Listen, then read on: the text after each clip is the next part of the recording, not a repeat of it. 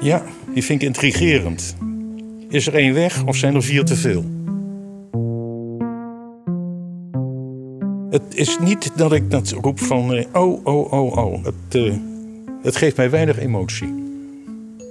Ik vind het leuk gevonden. Maar word je er hebberig van bijvoorbeeld? Nee. Vroeger kocht er wat kunst. Had je ook zo'n hele makkelijke, zo'n kunstleningen uh, kon je heel makkelijk doen. Hè?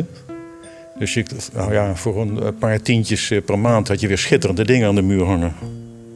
En dan zei je van, eh, als je naar een tentoonstelling ging, ergens bij een galerie, je moet, je moet er hebberig van zijn. Je moet eigenlijk niet zeggen nu van, ik, ik wil die hebben. Je moet naar huis gaan en als je dan thuis komt, dan denk je van, oh, die had ik moeten kopen. Ik heb een heiboer, die vindt iedereen lelijk. En die blijft daar uren over staan te horen hoe lelijk dat ze hem vinden. Het, het is eh, een, terracotta kleur, wat hij gewoon uit de tube zo, gewoon een paar van die dingen. En allemaal teksten erop. Uh, godsdienst is, uh, nou ja, eh, een paar van die, van die waanzinnige kreten van hem. Dan zeg ik van, als het echt niks voorstelt en het geen goede kunst is, waarom ben je er nog steeds over bezig? Kennelijk roept het wat op. Weerstand, uh, ja, vijandigheid misschien, uh, onbegrepen. Maar het, het, roept wel iets op. En ik vind dat kunst dat wel moet doen. Het moet emotie oproepen, vragen stellen, antwoorden geven of, of iets aanduiden. En, uh, en, nee, hier zou ik, ja, ik zou er ook op doorlopen. Of er zou een verhaal bij moeten komen. Ik zou wel een verhaal willen schrijven waarbij dat sprookjesachtig wordt en, en geheimzinnig. Mijn kleinkinderen zijn nou uh, te groot geworden. Maar ik zou met dat ding voor mijn neus en, zou ik best een spannend uh, sprookje van uh, kunnen maken. Het was altijd hetzelfde stramien. Er ging een diertje, ging er het bos in tegen de wens van zijn ouders en dat verdwaalde.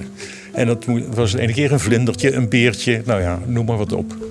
En dat uh, is een helemaal wanhopig. En het wordt koud en het gaat regenen. En het is helemaal alleen. En in de verte een lichtje en dan komt het weer thuis.